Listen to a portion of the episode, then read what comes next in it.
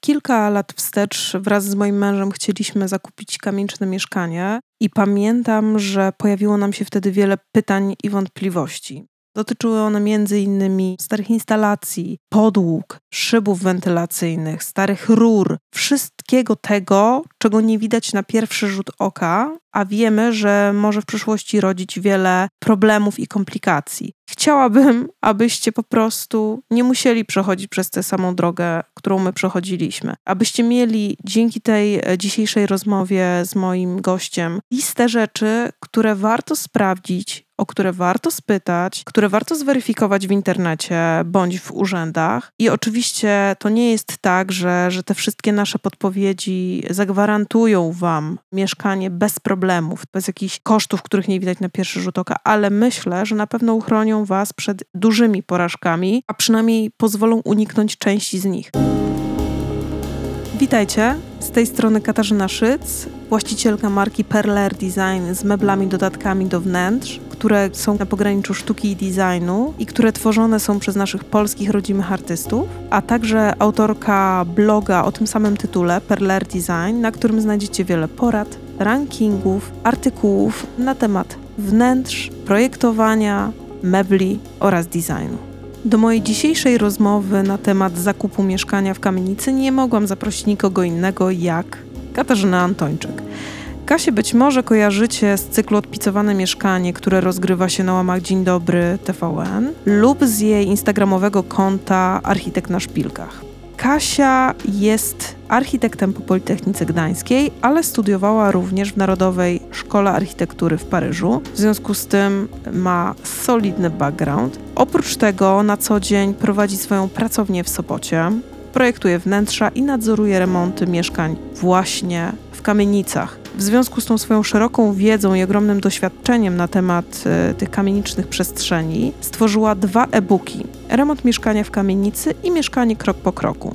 Myślę, że te dwie pozycje będą fantastycznym uzupełnieniem do naszej dzisiejszej rozmowy. Jeżeli ktoś będzie czuł potrzebę zagłębienia się w temat bądź doczytania jakichś konkretów, to serdecznie odsyłam do tych dwóch e-booków. Nie pozostaje mi nic innego, jak zaprosić Was do mojej rozmowy z Kasią Antończyk.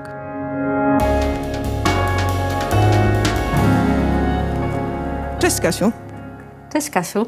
Zanim przejdziemy do takich głównych pytań, chciałabym Cię zapytać o to, jaka jest mniej więcej średnia oglądanych mieszkań przez Ciebie bądź przez Twoich klientów, zanim podejmie się tą ostateczną decyzję zakupową? Bo wiem, że oglądanie mieszkań to jest strasznie żmudna i czasochłodna sprawa. Ja wiem, że moi klienci poszukują czasami mieszkań e, ponad rok, nawet dwa lata, żeby znaleźć to idealne mieszkanie. Natomiast e, ja najczęściej towarzyszę im już na tym ostatnim etapie, bo zazwyczaj albo prawie zazwyczaj e, jest tak, że jakby zamawiają konsultacje ze mną na oglądanie takiego mieszkania, którego są już prawie pewni, żeby potwierdzić swój wybór i potem często właśnie te osoby, z którymi oglądam to mieszkanie, stają się moimi klientami także jeśli chodzi e, o wyposażenie, e, o jakby mm, remont i, i projekt wnętrz. Jasne. Więc bywa, że, ale bywa, że z niektórymi oglądam dwa, trzy mieszkania też. I jest po e, wszystkim. Żeby się, i tak, tylko że te ostatnie dwa, trzy mieszkania to są właśnie już jakby ten ostatni etap ich poszukiwań zazwyczaj, a najpierw oni też przez rok, półtora sami się trochę rozglądają, e, trochę, e, trochę oglądają i potem jakby na tym ostatnim etapie przyspieszają, mam wrażenie, i już może czują, że muszą coś kupić, albo może też już mają większe doświadczenie i szybciej widzą, czy jakieś mieszkanie się nadaje i, i jakby na tej, na tej ostatniej drodze zazwyczaj im towarzyszę. Okej, okay, a wiem, że ty masz mieszkanie kamieniczne, zresztą bardzo piękne. E, zapraszam na profil Kasi. Powiedz mi, jak długo ty swojego mieszkania szukałaś? Ja szukałam, myślę, że około roku, półtora. O, czyli też bardzo długo. Bardzo długo, bo mieliśmy, no raz, że na początku musiałam przekonać męża do tego, że, e, że te mieszkania kamieniczne to jest jednak coś takiego, w co bardzo chciałabym iść, do czego on nie był przekonany. Natomiast w miarę jak oglądaliśmy te mieszkania, to faktycznie było widać, że one mają e, no, świetne lokalizacje, bo szukaliśmy jakiejś oliwy, Sopot, Wrzeszcz, e, że mają dużo światła, no i że mają po prostu duży potencjał, żeby urządzić je po swojemu. Więc, więc to był ten pierwszy etap. Potem, no już w zasadzie ze dwa mieszkania były takie, że prawie kupiliśmy i nam uciekły. I potem okazało się, że sąsiadka moich rodziców, w zasadzie moja sąsiadka, sprzedaje mieszkanie, które zresztą znaleźliśmy w ogłoszeniach na, e, jakby na portalu trójmiasto.pl. Poznałam zresztą mieszkanie e, po psie, chociaż, chociaż bywałam u sąsiadki, e, ale, ale jakby ten pies po prostu, którego znałam, dał mi taki znak, że to jest to mieszkanie na pewno i, i jakby udało się kupić właśnie mieszkanie w tej kamienicy, w której się wychowałam. O super, świetna historia.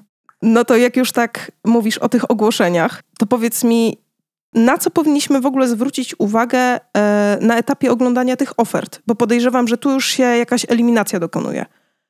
Co powinno nas na przykład zaniepokoić, a co zachęcić do obejrzenia mieszkania? Ja właśnie nie jestem pewna na pewno, czy na etapie ofert da się już e, jakby tak na pewno wyselekcjonować, wyselekcjonować ale to, e, to na co mm, przede wszystkim zwracam uwagę, to jest światło, wielkość okien, bo to jest coś, czego się nie da zmienić. Rozumiem. E, I też e, ma znaczenie stan kamienicy. E, jeżeli kamienica jest w fatalnym stanie po prostu i, i na przykład są podmokłe fundamenty, piwnice, jest niewyremontowana, odpadają tynki, a mieszkanie jest na parterze, czyli blisko tych piwnic, tej wilgoci, no to jest jakiś taki mm, znak, że, że to będzie trudne mieszkanie i być może nie warto w ogóle go oglądać.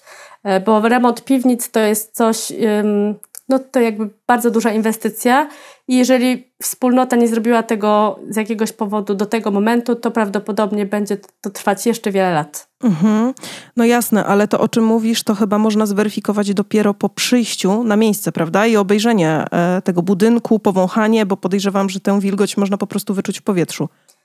E, to znaczy, zależy wszystko od tych zdjęć, które są, bo czasami te zdjęcia bardzo dużo potrafią powiedzieć. Czasami są zdjęcia piwnic, czasami już na zdjęciach widać e, właśnie jakby e, zamoczenie nawet i to, że tynk odpada na tym, na tym, jakby w tym miejscu, gdzie jest parter. I to powinno nas zaniepokoić. I to powinno nas zaniepokoić, a na pewno powinno nas też zaniepokoić, jeżeli oglądamy mieszkanie już e, osobiście. Okej. Okay. Natomiast mieszkania kamieniczne właśnie są o tyle trudne, że mm, często okazuje się, że mieszkanie, które wygląda fatalnie na zdjęciach, może mieć po prostu potencjał, bo są po prostu zrobione złe zdjęcia, e, nie widać tego światła, a układ, który się wydaje kiepski, może być łatwo przebudowany po prostu, bo zdarza się, że, że to po prostu jest do zrobienia, że nie ma wielu ścian konstrukcyjnych, że jest jakieś, jakieś sensowne możliwości. No i też odwrotnie, zdarza się, że mieszkanie, które bardzo dobrze wygląda na zdjęciach, jest faktycznie zupełnie e, inne w rzeczywistości. Jasne, ale wróćmy jeszcze na sekundę do tych tynków, bo yy, okej, okay, kamienica może być w bardzo złym stanie, ale być może budżet jest jakiś przeznaczony na, na nadchodzące remonty. Skąd można pozyskać taką informację i czy w ogóle warto o to pytać? Zdecydowanie warto o to pytać. Najczęściej taką informację w zasadzie mają właściciele i oni tylko mogą jej udzielić i musimy tutaj im zaufać, ponieważ nie możemy mieć jako osoby zewnętrzne dostępu do budżetu wspólnoty. Okay. Możemy też podpytać sąsiadów. Ja często e, bywa, że po prostu e, gdzieś zaczepiam sąsiadów, e, którzy przechodzą. I to i z klientami, i kiedy szukałam mieszkania dla siebie. To jest świetna roz, taktyka, zgadzam się. o luźnych rzeczach i bardzo ważne rzeczy wychodzą w czasie takich przypadkowych rozmów. E, więc to, to jakby bardzo polecam taki sposób, żeby po prostu pogadać luźno i wychodzą różne problemy, które są z budynkiem, czy też z właścicielami, czy też z jakimiś e, awanturniczymi mieszkańcami i, i inne, które mogą nam pomóc podjąć decyzję o tym, czy kupować to mieszkanie, czy nie. Tak, wiesz, yy, przypomniało mi się, że chyba widziałam ten wywiad kiedyś z tobą, bądź gdzieś przeczytałam na twojej stronie internetowej o tym, że bardzo niski czynsz powinien nas zaniepokoić. Czy to, czy to było w rozmowie gdzieś z tobą? Wydaje mi się, że tak, ale dopytuję. E, możliwe, możliwe, mhm. nie pamiętam. Natomiast, y, natomiast tak, niski czynsz może być niepokojący, bo to oznacza, że na wszystkie remonty musimy się składać z jakby własnych pieniędzy, które wykładamy. Znaczy, to też y, nie jest do końca e, tak wprost, dlatego że e, wspólnoty mają też swoją zdolność kredytową. Mhm. Natomiast bywa, że nie ma wspólnoty. Jeżeli jest to do trzech mieszkań, to tej wspólnoty nie ma. E, i jeżeli jakby nie wszyscy chcą ją zawiązać, to ona się nie zawiązuje i wtedy nie ma też zdolności kredytowej i za remonty trzeba po prostu płacić z własnej kieszeni.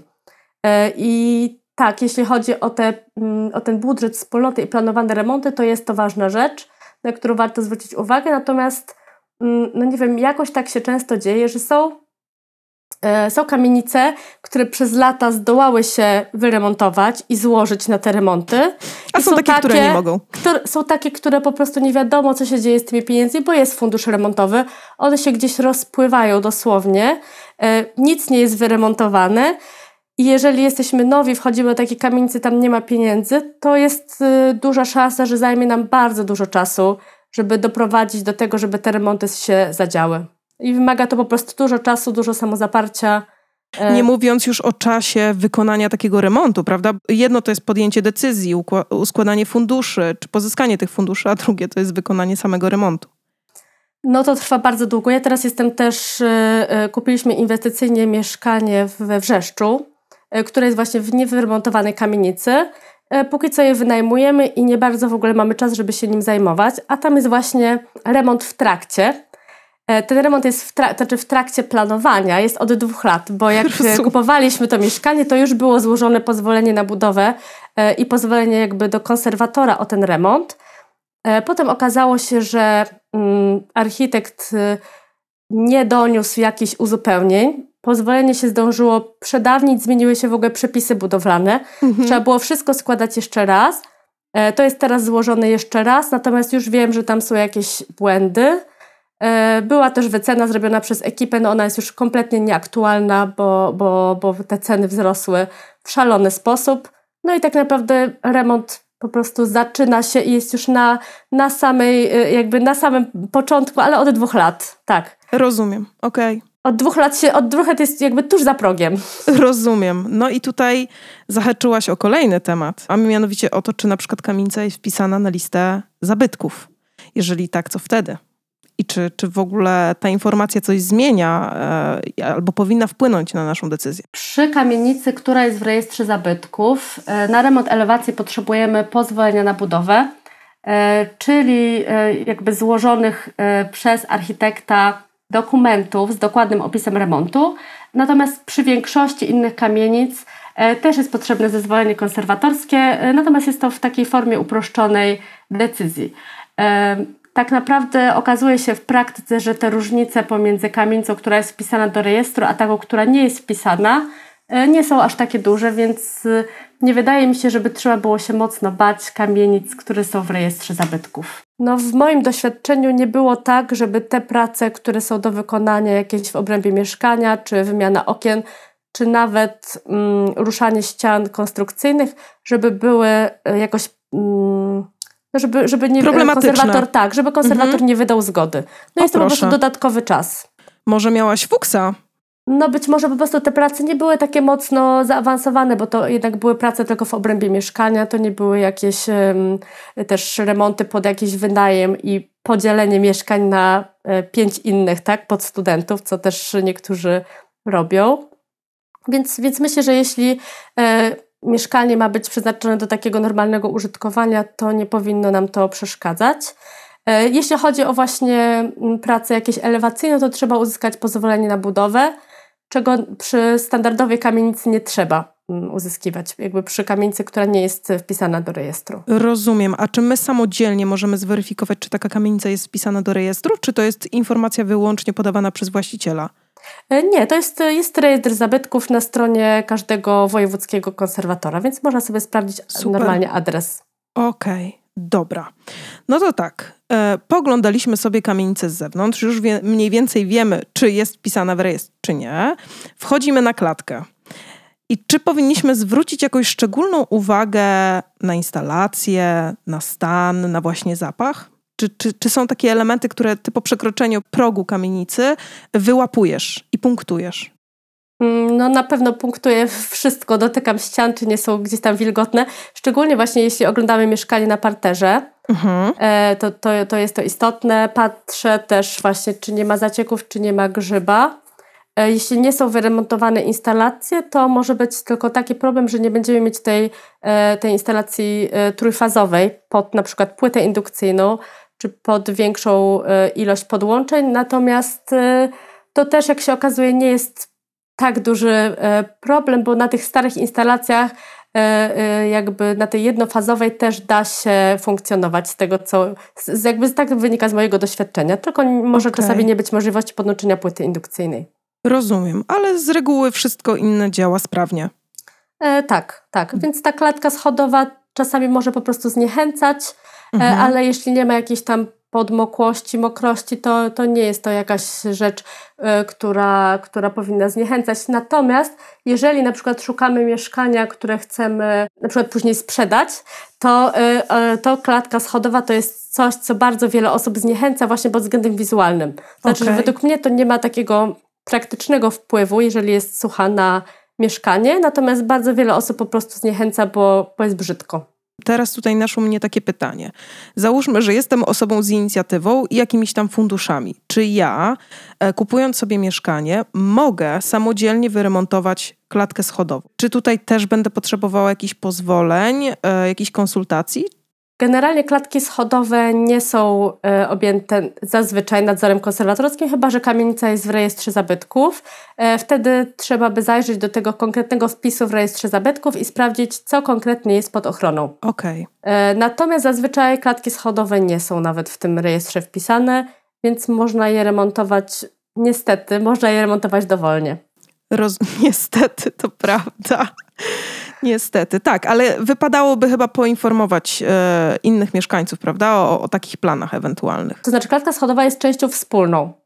E, I wszystkie części wspólne, e, piony wodno-kanalizacyjne, e, ściany konstrukcyjne, e, okna, e, które są jakby częścią elewacji, Schody. dach, piwnice mhm. i właśnie klatka schodowa oraz również w zasadzie drzwi zewnętrzne, chociaż mało kto może na to zwraca uwagę. E, to są części e, właśnie należące do tej przestrzeni wspólnej i tutaj decyzje podejmuje się razem ze wspólnotą. Nie można samodzielnie odremontować klatki schodowej bez uzgodnienia z innymi mieszkańcami. Dobra, to jeszcze jedno pytanko e, pogłębiające. Czy tu musi się pojawić w takim razie jakieś pismo, tak? Czyli ja konsultuję to z innymi mieszkańcami i stosuję jakieś pismo, które nale- na, na którym należy złożyć podpisy przez innych mieszkańców, tak? Ale to, to chwilę, tak... chcesz mhm. wyremontować klatkę schodową? Tak, samodzielnie. Samodzielnie za, za swoje pieniądze, swoje, za swoje fundusze.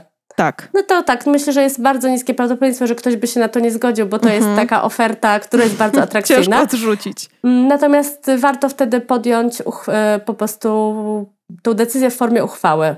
Czyli, że, że jakby właściciel tego mieszkania e, oferuje e, remont klatki schodowej, tutaj wymienić, co ma być zrobione i że wspólnota wyraża na to zgodę. Jasne. Już e, weszliśmy na nasze piętro i przekraczamy próg mieszkania. Co robisz jako pierwszy? Co robię jako pierwszy? Ty jako osoba e, oceniająca, Zastan- prawda? Właśnie się, tak, właśnie się zastanawiam. Nie, no ja, ja mam zawsze wydrukowany plan i tak naprawdę po prostu idę... Mm, z listą. Punkt, idę tak jakby z taką listą w sumie, którą mam w głowie, po prostu punkt po punkcie i, i, i pomieszczenie po pomieszczeniu. E, patrzę na to, gdzie są wentylacje, gdzie są kominy. Patrzę przede wszystkim, jakie jest oświetlenie. Zazwyczaj oglądamy w takim środku dnia E, te mieszkania i bywa, że mimo to niektóre są bardzo ciemne. Okej. Okay. To jest już coś, co jest takie mocno wykluczające jednak mieszkanie, bo, bo tego nie zmienimy i jakkolwiek piękny nie byłby wystrój, to mieszkanie zawsze będzie ciemne. A czy możemy te kilka elementów z Twojej listy e, przejrzeć w cudzysłowie? Jasne. No to zaglądamy najpierw do łazienki. Na co Ty tam zwracasz uwagę? W łazience zwracam uwagę na to, czy jest, y, w którym miejscu jest pion kanalizacyjny i to daje mi informację, dzielę się tą informacją z, mm, z właścicielami, e, w jaki sposób można rozbudować łazienkę, e, gdzie by można było ją ewentualnie przenieść, tak? E, czy, czy jest możliwość zrobienia drugiej łazienki, bo to często widać po układzie, czy gdzieś tam jest możliwość wydzielenia kolejnego pomieszczenia, czy można właśnie zmienić układ istniejącej łazienki. Jeżeli jest właśnie pion z, gdzieś tam w jednym E, w jednym rogu, no to na drugi koniec łazienki tego, e, te, tej ubikacji nie przełożymy. E, bo jest to po prostu za daleko. I tak samo wymiana sama pionu kanalizacyjnego to też jest taki, jeżeli on jest niewymieniony, to też jest taki kłopot, o którym informuję właścicieli, przyszłych mhm. właścicieli, tych, tych oglądających, e, bo trzeba to uzgodnić z innymi mieszkańcami, z mieszkaniem u góry, z mieszkaniem na dole. E, I czasami bywa to kłopotliwe i na tą zgodę czeka się no, kilka tygodni, na przykład potrafi to zatrzymać remont. Rozumiem. Wiesz co, kiedyś przeczytałam e, odnośnie tego pionu kanalizacyjnego, że w najlepszej sytuacji są osoby na parterze, ponieważ one najłatwiej mogą sobie ten pion e, przesunąć. Czy, czy jest w tym pra trochę prawdy? E, jest w tym trochę prawdy, ale nie zawsze tak jest prosto, dlatego że to po prostu zależy od tego, co jest pod danym mieszkaniem. Często zdarza się, że pod, jeżeli, gdyby piwnica, gdybyśmy mieli sytuację taką, że piwnice są otwarte i wolne, to faktycznie można sobie ten pion wprowadzić do piwnicy i potem przez tą piwnicę e, do głównej kanalizacji odprowadzić dowolnie. Natomiast piwnice są najczęściej podzielone już pomiędzy mieszkańców. E, I bardzo często bywa, że pod naszą łazienką znajduje się piwnica innego sąsiada. No i wtedy przez tą piwnicę innego sąsiada e, nie bardzo możemy przeprowadzić wielką rurę o średnicy 10 cm kanalizacyjną, która e, po prostu zaburzy funkcjonalność tego pomieszczenia. Jasne, ale podejrzewam, że zawsze można się dogadać. Myślę, że nie do końca można się zawsze dogadać, bo czasami po prostu jest tak, że ta rura przechodziłaby, bo jeszcze weźmy pod uwagę to, że piwnice są niskie, mają około dwóch metrów. W momencie, kiedy rura nam przechodzi na wysokości, no wychodzi na wysokości dwóch metrów, a potem schodzi nagle do metra siedemdziesiąt, to ona całkowicie blokuje jakiś tam, jakąś tam część tej piwnicy, więc nie, nie do końca jest to takie proste. Wiesz, ja pomyślałam bardziej e, o zamianie zamianie miejsc. E, I teraz właśnie chciałam zapytać, czy z Twojego doświadczenia, czy w ogóle kiedykolwiek zdarzyło się u Ciebie tak, że, że faktycznie e, właściciele wymieniali się e, tą piwnicą między sobą, właśnie z uwagi na to, żeby sobie ten pion kanalizacyjny pociągnąć? Mm, nie, akurat takiej sytuacji nie było, ale zdarzyło się natomiast tak, że akurat ten pion przechodziłby przez piwnicę, która była otwarta i niczyja i nikomu to nie przeszkadzało w ten sposób. Rozumiem. Więc to okay. się zdarza, natomiast dlatego też zawsze schodzimy później do piwnic, żeby je obejrzeć i sprawdzić właśnie te możliwości, jeżeli to jest parter właśnie naj, najczęściej. E, I też patrz na to, czy są wentylacje. E, najczęściej mhm. proszę już um, klientów, żeby zdobyli opinię kominiarską na moment zwiedzania mieszkania, ale też nie zawsze ona jest potrzebna, bo właściciele dużo wiedzą o kominach i mogą powyjaśniać, e, które są zajęte, a które nie. Po prostu zdarza się, że e, mieszkanie na przykład jest ogrzewanie, ogrzewane piecem węglowym, e, ale brakuje, e, brakuje pionów kominowych na, na, na jakby kocioł gazowy i na prawidłową wentylację. No i też jest to sygnał, który mówi nam o tym, że remont się przedłuży, będą kłopoty, bo trzeba poprzestawiać własności kominów. Na przykład tak, żeby osoba e, z ostatniego piętra zrobiła sobie komin przez dach, a w zamian udostępniła inny przewód kominowy. Rozumiem, czyli tutaj logistyka bardzo tak. mocno wchodzi w grę. Tak, tak, dużo załatwiania, dużo dogadywania się z sąsiadami, e, właśnie jakichś zamian kominów, czasami przekonywania. Mm, no tak czasami właśnie przy tej jakiejś tam wymianie kominów czy wbicie się, no to są jakieś tam malutkie prace budowlane, no bo gdzieś trzeba tą mm, kratkę wbić, czasami jakiś tynk się posypie. To są najczęściej starsi ludzie, e, których często ciężko przekonać do tego, że muszą coś zmienić, ktoś musi wejść do ich mieszkania i wybić jakąś nową kratkę na przykład. Okej, okay, no to tak, mamy e, tą kanalizację, mamy wentylację. Czy na przykład wilgoć bądź grzyb. Powinniśmy się temu jakoś szczególnie przyglądać, bądź dotykać ścian, o, którym, o czym wspomniałaś wcześniej. Tak, tak. E, tutaj czasami mm, jakby te rzeczy, jeśli się pojawiają, to są faktycznie trudne do znalezienia. Czasem jest to wentylacja właśnie, prawda? Czasem jest to wentylacja, czasami bywa, że jest na przykład jakaś dziura na elewacji. Ta elewacja przecieka i jakąś, jakąś, e, jakąś szczeliną wilgoć przechodzi do mieszkania. E, akurat w tym miejscu na przykład stoi szafa, ta wilgoć się gromadzi za szafą i, i jakby tam powstaje grzyb. Więc to też są takie rzeczy, na które zwracam uwagę. Natomiast też yy, zazwyczaj, znaczy ja też nie oglądam jakichś yy, mieszkań w katastrofalnym stanie. Mm, okay. Najczęściej, najczęściej to są jakieś mieszkania, które mają jakiś potencjał, więc yy, takie Więc, wyselekcjonowane tak, perełki. Takie już, takie już trochę, trochę chociaż wyselekcjonowane. E, nie widziałam jeszcze takiego mieszkania, takiego budynku, który byłby cały y, jakby objęty grzybem po prostu. Natomiast no, nie Okej. wykluczam, że coś takiego może zaistnieć i tutaj zdecydowanie trzeba, trzeba zwracać uwagę, bo jeżeli właśnie grzyb jest w jakimś jednym miejscu za szafą, y, no to może po prostu wynikać z jakiejś tam słabej wentylacji albo z, jakiegoś, z jakiejś rzeczy, którą łatwo jest naprawić. No ale jeżeli objęty jest na przykład cały sufit, to już jest duży powód do niepokoju. Tak, zdecydowanie tak. Dobra. Łazienkę mamy ze sobą, bo rozumiem, że to są takie najważniejsze punkty. E, tak, tak, tak, najważniejsze. Okej. Idziemy do kuchni. E, I tutaj w kuchni też jakby mm, najczęściej w ogóle ta kuchnia, którą oglądamy, to w przyszłości potem staje się innym pomieszczeniem, bo, bo jednak często łączy się po prostu salon z kuchnią i, i ten układ jest współcześnie dostosowywany po prostu do, takiego, no, takiego stylu życia, który mamy teraz najczęściej. Mhm. E, Ale tutaj też patrzę właśnie na. e, W kuchni też jest często kocioł gazowy, patrzę na możliwości przeniesienia tego kotła gazowego. Czy da się go przesunąć właśnie do innego pomieszczenia? I po czym to rozpoznajesz? Po czym to rozpoznaję? Mm, To znaczy, w pomieszczeniu, w którym jest kocioł gazowy, musi być wentylacja oraz musi być miejsce, żeby wpiąć ten kocioł gazowy. E, I jeszcze ten kocioł, mm, no tak do dwóch metrów to maksymalnie, a tak naprawdę to powinien być jak najbliżej kominów. Rozumiem. Więc patrzę też na możliwości po prostu lokalizacji tego kotła. Czy jest możliwe, żeby go gdzieś przenieść. Rury gazowe nie mogą też przechodzić przez żadne pomieszczenia mieszkalne. Więc ten przebieg rur sobie też jakoś tam no, szkicuję w, w głowie. E, To też jest tak, że zazwyczaj właściciele już wcześniej często, jakby ci przyszli właściciele, e, czyli klienci często już byli w tym mieszkaniu i mają po prostu jakieś konkretne pytania albo na przykład ym, mają plan, żeby zrobić z tego mieszkania, e, jakby żeby wydzielić dodatkowy pokój biurowy, albo właśnie żeby przenieść kuchnię, albo żeby zrobić drugą łazienkę.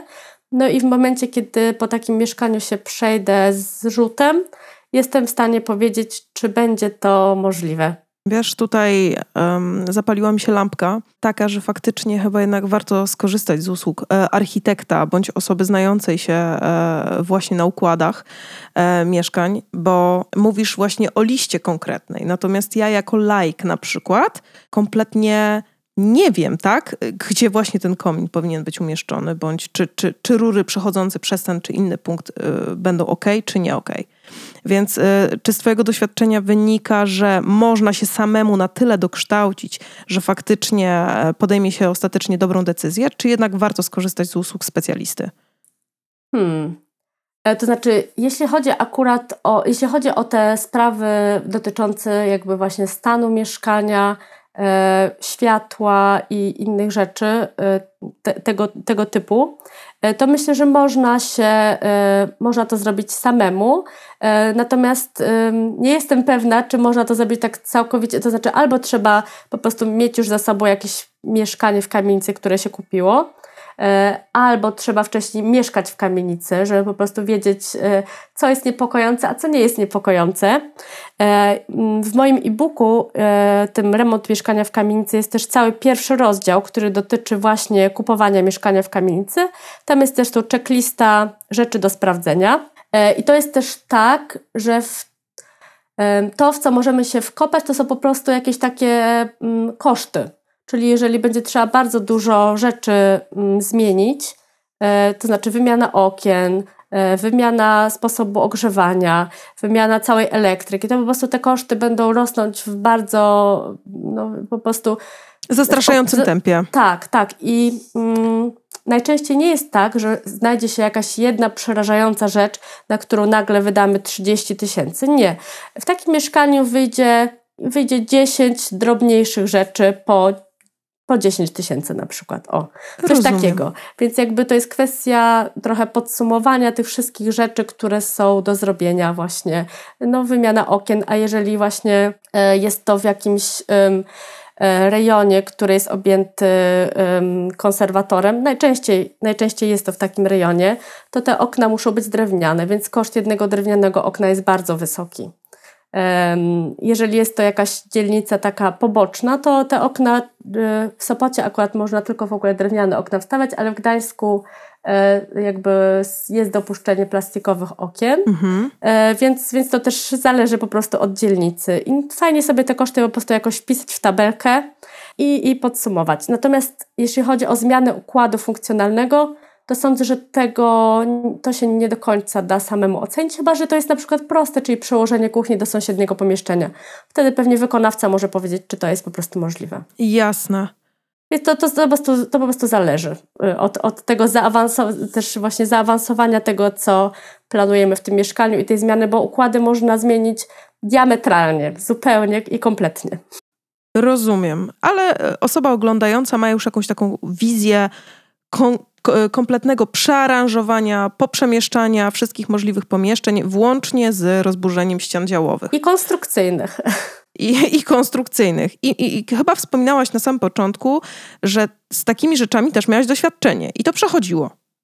Yy, tak, tak, zdecydowanie. To jest w bardzo dużej ilości projektów E, te ściany nośne po prostu były przebudowywane, oczywiście z pozwoleniem na budowę, z projektem konstruktorskim.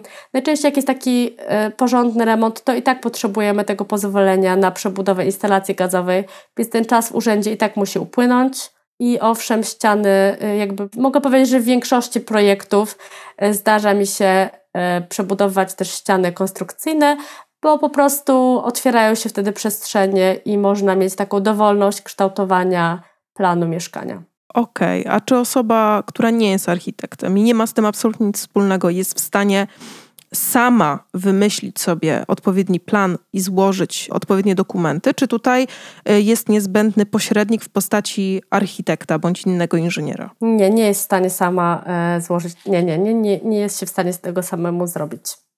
Okej, okay. tutaj musimy poprosić o pomoc jakiegoś specjalista. Tak, zdecydowanie. Jeszcze chciałaś coś dodać? Tak, tak, że tutaj w zasadzie zależy od urzędu, bo jeżeli jest to na przykład przebudowa tylko jednej ściany, powiedzmy konstrukcyjnej, to w niektórych urzędach urzędy zgadzają się na to, żeby te, żeby te dokumenty składał tylko konstruktor.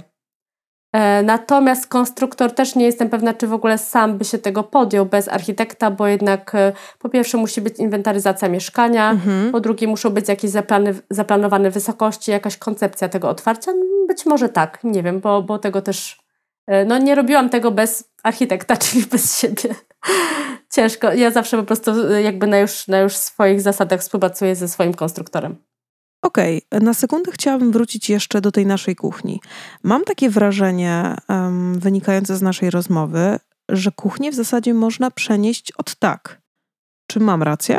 Um, można ją przenieść od tak. To znaczy, tutaj jakby, no, jakby te możliwości realizacji i, i jakby odprowadzenia wody nas blokują. E, niestety nie zawsze jest to mm, do przewidzenia na etapie projektu. Mhm. Dopiero czasami jak się zdejmie podłogi, to widać, czy jakąś e, drogą można poprowadzić wodę, czy nie. Czy gdzieś na przykład pomiędzy belkami znajdą się takie przesmyki, e, którymi można tę wodę odprowadzić. No, czasami można po ścianach, to jest, myślę, że to jest po prostu różnie, a, a w najgorszym wypadku można się e, pompą rozdrabniającą posłużyć, która nam odprowadzi wodę. Więc to też jest rozwiązanie, które no, jest już teraz powszechnie stosowane. Myślę, że nie trzeba się go bać. Mówiłaś o ściąganiu podłóg. Um, no ale teraz e, wchodzimy do mieszkania, podłogi drewniane, stare nas zachwyciły i chcielibyśmy je zachować. Czy to ściąganie podłóg jest jednorazowe i, i pod tym można położyć instalację i te podłogi znowu z powrotem na swoje miejsce włożyć? Czy to już jest e, działanie, które implikuje zakup nowej podłogi? Jest to do zrobienia, natomiast jest w tym tyle kłopotu, że mało kto się na to decyduje, bo E, bardzo trudno jest w ogóle zerwać deski z odzyskiem tych desek. One się, one są poprzybijane do siebie jakoś na skos. Okay. Um, są czasami posklejane i, i jakby odrywając je, e, bardzo często się uszkadzają. Więc powiedzmy, co druga deska i tak jest zazwyczaj do wyrzucenia, nawet jak wykonawcy się, no chyba, chyba że może wykonawcy będą nad tym siedzieć na przykład trzy dni i po jednej deseczce, to wtedy może się uda 3 czwarte odzyskać, powiedzmy. E, raczej, raczej jeżeli się zdejmuje podłogę, to już w takim celu, żeby potem położyć nową podłogę. Rozumiem. I, I faktycznie w tych projektach, które realizujesz, zazwyczaj tak to się właśnie kończy?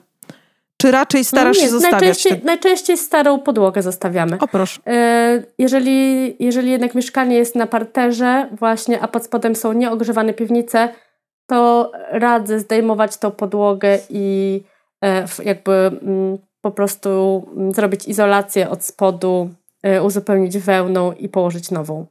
żeby jednak od tej, od tej piwnicy się odciąć. Jasne, no dobra, mówisz o piwnicy. A co w sytuacji, kiedy mamy to mieszkanie na strychu?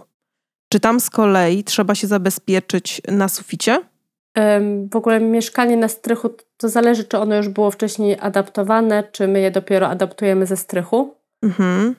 No, e, mieszkania strychowe są problematyczne bardzo, dlatego że one po prostu nie były, nie są dobrze wykonane technicznie. Właśnie te izolacje dachu, mhm. E, jest tam za mało wełny, więc jest. No, bywa, że jest po prostu bardzo gorąco latem. To w ogóle nie były przestrzenie, które były przeznaczone do mieszkania pierwotnie, więc to są takie mieszkania, które bym Odradzała. określiła jako takie najgorsze po mhm. prostu mieszkania. Rozumiem. Bardzo trudne do zaadaptowania. No tak, tak, bardzo trudne. Na pewno, na, na pewno jakby to się może być, może być fajne, jeżeli możemy na przykład podnieść dach, bo to też jest możliwe, bywa możliwe.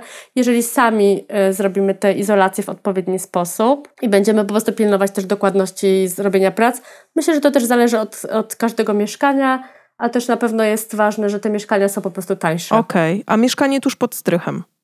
No to jest bardzo dobra lokalizacja. I w zasadzie parter też może być dobry. Właśnie wszystko zależy od parter, pierwsze, drugie piętro, to, jest, to są wszystko bardzo dobre mieszkania. Mog mogą być bardzo mogą dobre być bardzo mieszkania. dobre. Tak, no oczywiście, że te pomiędzy, na tych piętrach pomiędzy są, są najfajniejsze o tyle, że mają e, jakby właśnie suche, suche pomieszczenia nad, pod, mm, są grzane też od góry i od dołu, więc te rachunki są niższe. Okej, okay, to jest cenna uwaga. No to właśnie może skupmy się na wadach i zaletach na przykład mieszkania pod strychem, tak? Czyli y, piętro pod strychem. Jakie są zalety takiego mieszkania, jakie są wady? Mm, Wiesz, ja myśl... dlaczego o to pytam? E, tak, Dlatego, że... jak, jak na to odpowiedzieć, tak? Tak, jak, jak to ugryźć. E, kiedyś z mężem trafiliśmy na e, mieszkanie, które było właśnie pod strychem i tuż nad nami była wydzielona przestrzeń strychowa, tylko przynależąca właśnie do tego mieszkania. I tam mhm. były rozstrzyganie, czy faktycznie te dwie przestrzenie będzie można w przyszłości połączyć i stworzyć faktycznie dwupiętrowy apartament, nazwijmy to w ten sposób. E, I czy to w ogóle właśnie jest dobry pomysł, czy, czy, czy finansowo to się w ogóle opłaca? E, no tak, tak, w ogóle mieszkanie pod strychem, jeżeli strych jest e, na przykład nieogrzewany, mhm. no to, to na pewno się bardzo szybko wychładza i też jest pierwszym takim mieszkaniem, na które trafią wszelkie przecieki z dachu, które mm, się zdarzają, zdarzają się. E, więc jeżeli one się zdarzają tam co jakiś czas, to po prostu, po prostu trafią do tego mieszkania. One są zazwyczaj szybko, szybkie do naprawienia, no ale jednak to mieszkanie jest pierwsze i, i też myślę, że się właśnie szybko wychładza. Zresztą w ogóle im, im wyższe mieszkanie, tym cieńsze są ściany zewnętrzne. Okej. Okay. E, więc na przykład o ile mieszkanie na parterze, znaczy to też nie jest w każdej kamienicy tak samo, ale bywa, że mieszkanie na parterze może mieć 40 cm, to na przykład na pierwszym piętrze może mieć 30 e, cm ściany zewnętrzną, a to już na e, drugim piętrze może mieć na przykład 30, więc też się będzie szybciej wychładzać z tej strony. E, tak, gdzieś te informacje chyba też przeczytałam u ciebie bądź usłyszałam podczas wywiadu z tobą, um, bo występowałaś w Dzień Dobry TVN, z tego co kojarzę. Chyba nie. Ja no byłam w. Um, a tak, to było dzień dobry. To była jakaś seria. Tak, aha, to, to w domu. To, co miałam w domu. Tak, w, dokładnie tak. Dokładnie tak, tak, tak, tak. Zapomniałam, że to było dzień dobry TVN. No widzisz, no widzisz. Tak, tak ja bo chodzi o to, że ja tam nie pojechałam, tylko oni przyjechali do mnie. Tak, tak. To jest no to trochę inne odczucie, że jakby nie byłam tam. Jasne, oni byli u ciebie. Dokładnie, dokładnie. No w każdym razie wiem faktycznie, gdzieś o tym wspominałaś i uważam, że to jest bardzo cenna informacja, szczególnie dla zmarzluchów bądź osób, które e, no, planują oszczędzać na ogrzewaniu na przykład. No i tutaj wchodzimy... To chyba, to chyba w kamienicy, kamienicy nie są dla takich osób, które lubią oszczędzać na ogrzewaniu. o, ale czy zawsze? E, e, mam znajomych, którzy mieszkają w kamienicy i tam jest ultra ciepło z uwagi na to, że tam jest ogrzewanie centralne. Mhm. To znaczy nie, nie, właśnie nie, nie zawsze. E, są też bardzo różne kamienice, bo są takie, które też były w ogóle tuż po wojnie wybudowane, to też są kamienice. Są takie, które mają 2,60 do sufitu, a są takie, które mają 3,70 do sufitu. Tak. I to tam zawsze będzie mocno chłodniej. wpływa i tam będzie jednak chłodniej. E, bardzo dużo zależy właśnie od tych mieszkań pod i od tego, tego właśnie, co mamy pod sobą, od rodzaju pod... No, jakby jest bardzo dużo tych czynników, więc nie, nie, nie można generalnie powiedzieć, że zawsze będzie mieszkanie w kamienicy zimne. No, u mnie na przykład jest w ogóle zawsze ciepło w mieszkaniu. Super. e, bo po prostu tak jakoś, e, no jest właśnie słoneczne i na pierwszym piętrze. Um, ale na przykład z okien nam wieje, bo nie wymieniliśmy wszystkich po zakupie, więc e, nie jest dobrze siedzieć blisko okna. Okay. Nie wymieniliśmy wszystkich okien. Okay. Teraz, też, teraz też mi wieje, ale ja sobie mawiam, że to jest taka wentylacja. Wentylacja jest, naturalna. Tak, to jest, to jest zdrowo po prostu. Jasne, nie będzie grzyba. Zdecydowanie tego bardzo pilnuję. Tak, to, jest, to jest taki moje, mój, e, mój no tak, ta, ta, takie coś, że ja po prostu pilnuję, żeby było regularnie wietrzone, żeby, mhm. żeby właśnie, mm, żeby nie było nigdzie wilgoci i zwracam na to mocną uwagę. Okej. Okay. No i tutaj znowu zahaczyłyśmy o inny temat, ogrzewania. Pamiętam, że kiedy my szukaliśmy mieszkania, to y, natychmiast odstraszały mnie piece kaflowe ponieważ nie wyobrażałam sobie, że, że będę tam musiała regularnie dorzucać drewno y, i jakby się tym zajmować i nad ranem, i późnym wieczorem. Czy to faktycznie powinno niepokoić, czy jest alternatywa dla takiego rozwiązania? E, to znaczy, mm, jeszcze nie spotkałam się z kimś, kto by współcześnie mieszkał z piecem kaflowym. Piece mhm. kaflowe e, są po prostu elementami do likwidacji i do zastąpienia je nowszym jakimś sposobem ogrzewania. Więc, więc to nie jest jakby coś, co powinno odstraszać, bo można go bardzo łatwo zdemontować. I, i, I tyle w sumie. Nawet dobrze, jak jest taki piec, bo on jest zazwyczaj podłączony do komina, a to oznacza, że mamy dodatkowy wolny komin albo dwa wolne kominy w mieszkaniu, więc jakby mnie nawet cieszy, jak są takie piece. Okej, okay, wiesz, w jednym z mieszkań studenckich, w którym miałam okazję mieszkać, był właśnie taki piec. E, taki z, z jeszcze z, e, z, możliwością palenia w środku, tak? Dokładnie tak? tak. I nie było żadnej innej alternatywy grzewczej e, dla tego pieca. No Dlatego tak, mam po prostu złe ciekawe. doświadczenie. Taka trauma. Taka tak, trauma. taka trauma, dokładnie. Dlatego, dlatego to jest coś, co natychmiast eliminuje, ale tak jak mówisz, to, to może być wręcz zaleta tego e, mieszkania. A one, one w ogóle z tego, co wiem, no czy nie jestem tutaj pewna tej informacji, ale chyba mhm. jest w ogóle do, do 2023 będzie obowiązek likwidacji takich pieców już. Okej. Okay. A co jeżeli taki piec nam się bardzo spodoba wizualnie i nie chcemy go usuwać? Czy on może zostać, a e, instalację jakoś pociągniemy e, w cudzysłowie za jego plecami? Tak, jasne, on może zostać.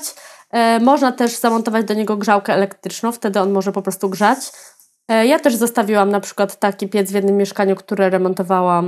Mm, no to, to było jakby nasze inwestycyjne mieszkanie e, i zostawiłam go jako, taki, jako takiego świadka historii. Rozumiem. Więc jak najbardziej można je zostawić, zależnie po prostu też w sumie ile, jak bardzo są ozdobne, ile miejsca zajmują, bo są też takie prawie zupełnie płaskie, które zajmują naprawdę niedużo miejsca, więc jasne. Dobra, to omówiłyśmy piec. A teraz mamy ogrzewanie elektryczne, gazowe bądź centralne, które z Twojego punktu widzenia nie do końca się sprawdza, a które e, jest na plus? Myślę, że elektryczne chyba, chyba jest takim ostatnim, które bym wybierała. Mhm, dlaczego? Chociaż e, wiem, że są w zasadzie ze względu na, e, na opłaty, chociaż teraz wiem, że są też jakby urządzenia elektryczne na podczerwień, które sobie mm, jakby te osoby, które je mają bardzo chwalą. Mhm. Natomiast ja jakoś no, nie do końca jestem, jestem przekonana do tych, do tych właśnie mm, systemów na, podcze na podczerwień, bo one w taki no dają takie dziwny, dziwne wrażenie. Nie wiem, czy, czy kiedyś byłaś w takim pomieszczeniu, które jest tak ogrzewane. Ja na przykład byłam w kościele, który był w ten sposób ogrzewany. No i to jest takie wrażenie, że jakby te, te miejsca, które są ogrzewane są ciepłe, a zaraz obok jest zimno. Okej. Okay. Natomiast też wiem, że te systemy mają też e, jakieś tam swoje e, systemy już też jakby wspomagające do rozprowadzania powietrza, ale to też nie jest coś, co ja znam i wobec tego, że tego nie znam, e, to nie szłabym mm, po prostu w taki system, a ten tradycyjny system elektryczny ogrzewania, to znaczy właśnie grzejniki elektryczne i tak dalej, jest po prostu drogi. Rozumiem. A gdybyśmy pociągnęli taką instalację pod podłogą? Ogrzewanie elektryczne podłogowe jest drogie też. Jest kosztowne. Okay. Tak, tak, tak, tak, więc, więc, więc, więc to, to nie. E, no ja w zasadzie, jeżeli jest tylko system ogrzewania takiego miejskiego, no to najlepiej się pod niego podłączyć, bo jest to po prostu najwygodniejsze i najtańsze. Najtańsze, ale niekoniecznie w eksploatacji, tylko w podłączeniu, bo nie ma po prostu budowania instalacji gazowej i kotłów. Mm, jeśli chodzi o rachunki i o to, co jest droższe, czy system ogrzewania e, gazowego, czy tego miejskiego, to nie wydaje mi się, żeby to było w ogóle do porównania. e, ponieważ no, musielibyśmy mieć e, to samo mieszkanie, e, które miało jakby najpierw system ogrzewania miejskiego, a potem zmieniło na gazowe i sobie na przykład e, e, e, porównuje. Nie znam takiego przykładu. Być może jeśli ktoś zna taki przykład, to może, może nie Mhm. wiem, napisać Tak. e, em, i wtedy będę wiedzieć, bo każde mieszkanie jest po prostu bardzo różne i, i nie miałam jeszcze takiej możliwości, żeby to porównać. E, natomiast tak jak się średnio porównuje ceny ogrzewania, to miejskie i gazowe wychodzą mniej więcej tak samo. Okej, dobra. E, Czyli to elektryczne powinniśmy na nie spojrzeć tak, e, no, bardziej krytycznie. E, Piece okej. Ale, ale, ale, ale elektryczne też ma swoje zalety, ponieważ jest po prostu em, najszybsze do, mm, do zamontowania, czyli możemy je mieć od razu. Okej. Możemy je zamontować w jeden dzień.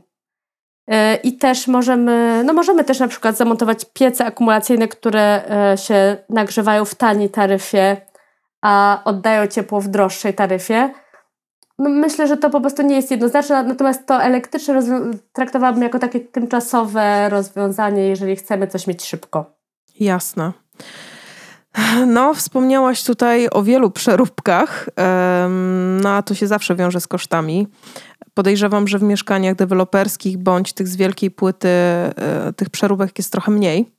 Tak, tak. No i jak to właśnie wygląda z Twojego doświadczenia kosztowo? Y, y, Mam na myśli proporcje. Koszt mieszkania i remont właśnie kamienicznego i tej z wielkiej płyty. Czy, czy jesteś w stanie Mm. powiedzieć, jaki procent tej ceny? To, to może, może Mhm. do każdego metra do kamienicy, e, jakby licząc remont, trzeba by dodać no z tysiąc, półtora tysiąca do remontu. O, może tak? Okej, Może, może w ten sposób. rozumiem. Czyli Natomiast jeżeli... też te zakresy są tak różne, że, że ciężko to uogólnić, bo jest bardzo duża różnica e, w poszczególnych mieszkaniach właśnie, czy robimy zmianę układu, czy robimy dodatkową łazienkę, czy robimy zmianę właśnie przebudowę ściany konstrukcyjnej. To są wszystko bardzo duże koszty.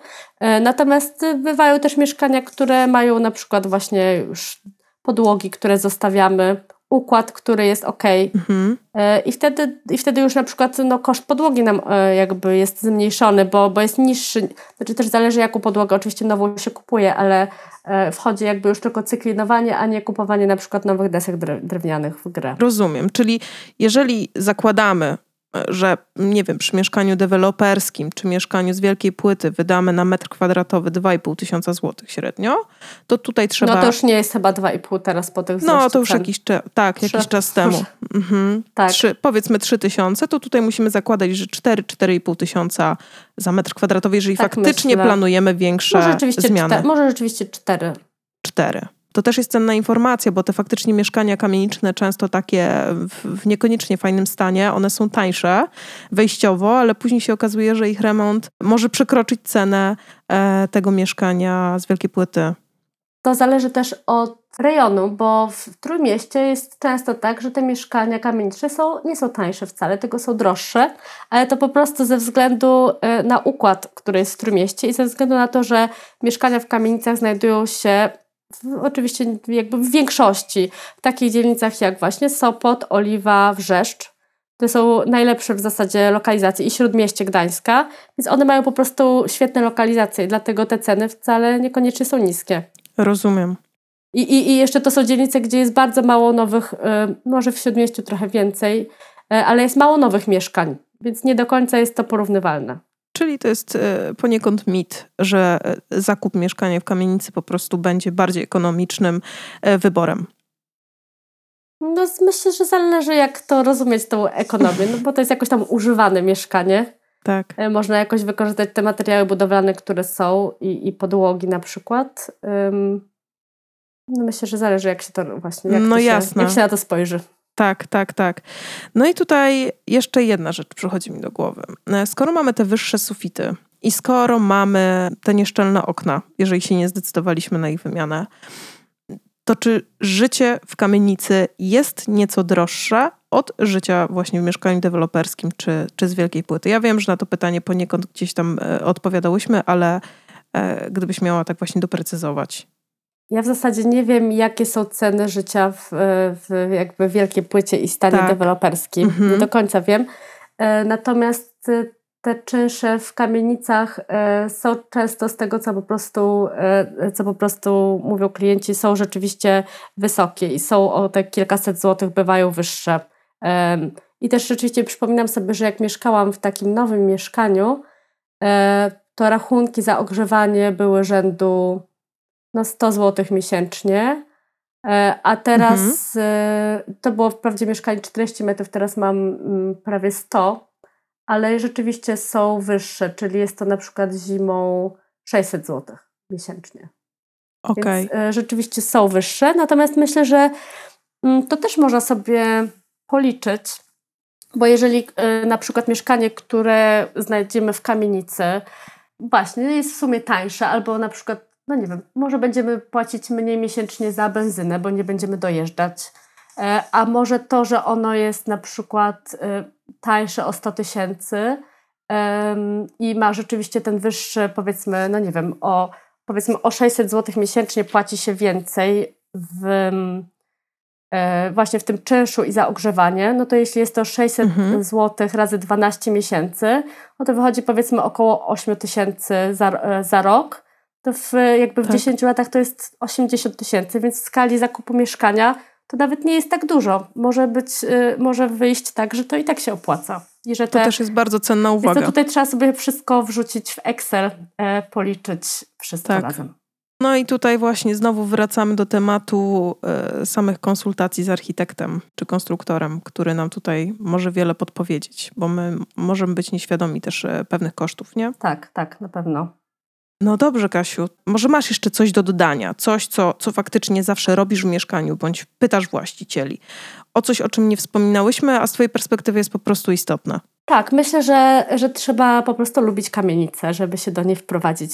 Bo jest, y, jest to po prostu inny typ budownictwa, inaczej się mieszka, jest inne sąsiedztwo, inne problemy mhm. i inne zalety. Y, myślę, że może być tak, że jeżeli nie lubimy kamienic, nie jesteśmy przyzwyczajeni, że będziemy po prostu poirytowani różnymi rzeczami, tym, że nie mamy wpływu na to, że no właśnie na te remonty, e, na jakiś tam zaniedbany ogródek, tak? E, na to, że e, sąsiadka karmi koty pod, pod, pod, pod domem i że te koty brudzą, no i tak dalej. Są takie drobne rzeczy, do których po prostu trzeba się przyzwyczaić, a z kolei, z kolei właśnie e, nie ma ich w nowym budownictwie, ale, ale są też rzeczy irytujące w nowym budownictwie. Mnie na przykład te zamknięte osiedla bardzo, e, bardzo irytują. Mhm. Jakoś ta koncepcja takiej mm, elitarności, mhm. tego, Albo że, że dzieci, które przechodzą, tak, że dzieci, które przechodzą nie mogą, za płotem nie mogą wejść do na plac zabaw, który jest w środku. No, ale oczywiście są też osiedla, które są w ogóle otwarte i, i, i, i są świetnie zaprojektowane, można przez nie przejść. Też jest, też jest do wyboru. Natomiast myślę, że tak. trzeba po prostu lubić kamienice e, i wtedy będziemy zadowoleni z tego, że, że właśnie te, te, te wady, te, to co jest dla innych wadami, może być dla nas po prostu zaletami i tak jest na przykład w moim przypadku po prostu. Okej. Okay. Albo te zalety mogą mocno przewyższać po prostu wady. No i tyle. Jakby musimy się liczyć z tym, że, że każdy typ mieszkania i budynku po prostu niesie ze sobą pewne wady i zalety. Tak. Dziękuję za wysłuchanie dzisiejszego odcinka. Jeżeli był dla Ciebie wartościowy, a dodatkowo jesteś na etapie urządzania wnętrz lub po prostu interesujesz się tą tematyką, zapraszam do subskrybowania podcastu Dobrze Zaprojektowane Wnętrze. Wszystkie linki związane ze mną oraz z moim dzisiejszym gościem znajdziesz w opisie tego odcinka.